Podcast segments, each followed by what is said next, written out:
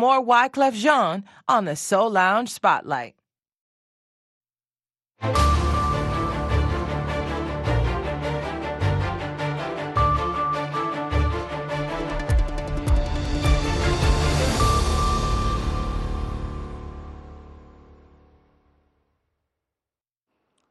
halkani waa washington laantaaf soomaaliga idaacadda v o a waad ka dhagaysanaysaan mawjadaha gaagaaban efimada geeska afrika iyo caalamka oo dhan oo aad nagala socotaan v o a somaly com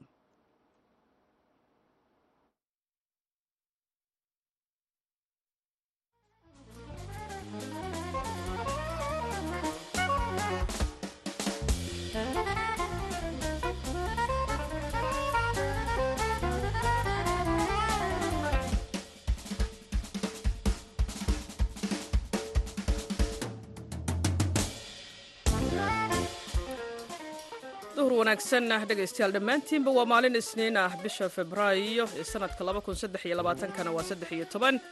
waxaad naga dhegaysanaysaan mawjadaha gaagaaban ee iyo ka mitrban idaacadda duhurnimo ee barnaamijka dhallinyarada maantana waxaa idinla socodsiinaya anigoo ah caashe ibraahim aadan.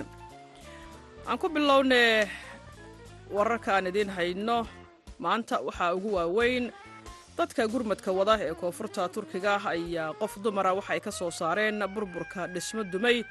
Isniintan maanta ah in ka badan toddobaad kadib markii dhulgariiro xooggan ay ku dhufteen gobolka. Badbaadinta haweeneydan oo afartan jir ah ayaa waxa uu ka dhacay magaalada la yidhaahdo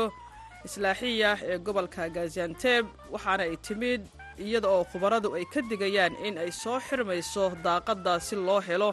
dad badan oo nool oo ku haray dhismayaasha dumay. Maamulka turkiga ayaa waxay sheegeen in ugu yaraan sagaal iyo labaatan kun iyo lix boqol iyo shan qof ay ku dhinteen dhulgariirkii weynaa ee ka dhacay gobolka gazianteb dhanka xadka waqooyiga siiriya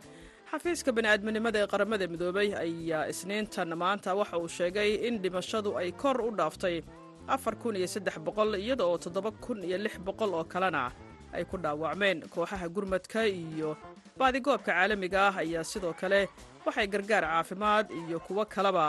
ku qulqulinayaan oo ay geynayaan. Dalka turkiga tan iyo markii uu dhulgariirku ku dhuftay saacadihii hore ee lixdii bishan febraayo. Dhanka kalena maraykanka ayaa axaddii waxa uu ku baaqay in golaha ammaanka ee qaramada midoobay uu si deg deg ah ugu codeeyo in la oggolaado in gargaarka qaramada midoobay la gaarsiiyo waqooyiga galbeed ee dalka suuriya oo ay mucaaradka gacanta ku hayaan iyada oo la sii marinayo xuduudo badan oo turkiga ka gudba kadib dhulgariirkii ku dhuftay dhankaasi. Tan iyo sannadkii kii qaramada midoobay waxa ay awooday inay gargaar gaarsiiso malaayiin qof oo u baahan kuna baahan qaybta waqooyiga galbeed ee fallaagadu ay haystaan madaxa gargaarka qaramada midoobay martin griffins oo ku sugan dalka turkigana islamarkaana lagu wado in ay booqato dalka syriya ayaa waxa ay u sheegtay sky news sabtidii in golaha ammaanka ay ka codsan doonto in uu oggolaado in gargaarka la gaarsiiyo dhulka ay aafeeyeen dhulgariirkii ka dhacay halkaasi maxkamad ay maamulaan fallaagada dalka yemenna. Waxa ay taageertay oo ay taageertay iiraan ayaa axaddii waxa ay ku raacday xukun shan sano ah oo lagu xukumay haweeney jilaa ah. Iyo mid ka mid a saaxiibadeed oo lagu xukumay in lagu helay fal anshaxumo ah iyo sidoo kale in ay wateen maandoori. Xarigga intisaar al xamaadi iyo saddexda kale ee haweenka ah ee bishii febraayo ee sannadkii ka dhacay iyo sidoo kale dacwadaha maxkamadda ee ka dhanka ah waxaa si weyn u dhaleeceeyey kooxaha xuquuqda caalamiga ah. Markii caalamkana dhegaystayaal waa naga intaas waxaan ka cudur daaranaynaa in cilad farsamo ay jirto islamarkaana aanan idiin soo gudbin karin. Barnaamijyadii aan idinku talagalnay hase ahaatee aan idiin soo gudbin doonno heese dabacsan oo kaydka ku jira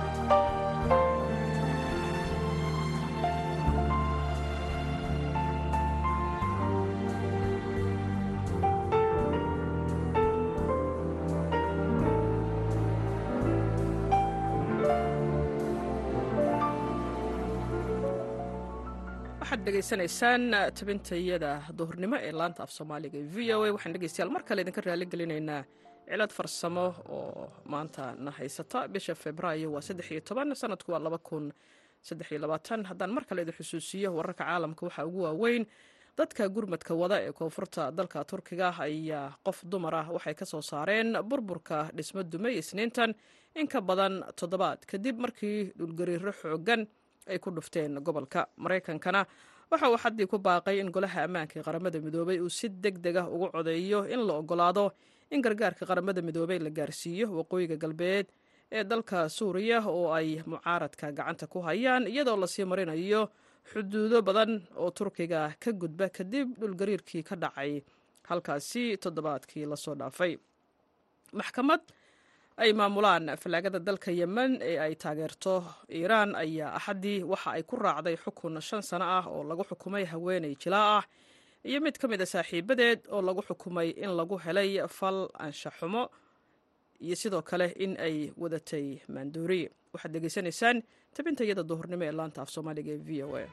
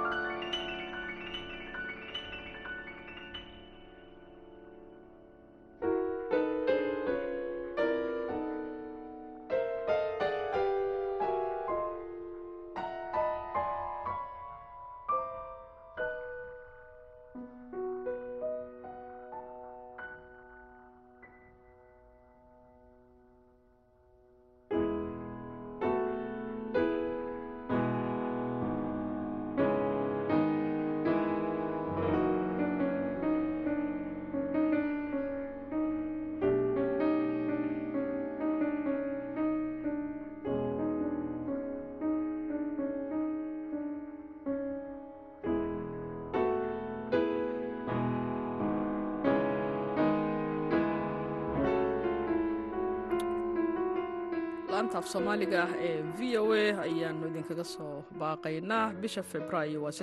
sanadku waa idaacaddii duhurnimo ee barnaamijka dhallinyarada maanta oo aan ka cudur daaranayno cilad farsamo oo maanta nagu habsatay ayaanu intaas ku soo gabagabaynayna intaan mar kale kulmayno nabadgelyo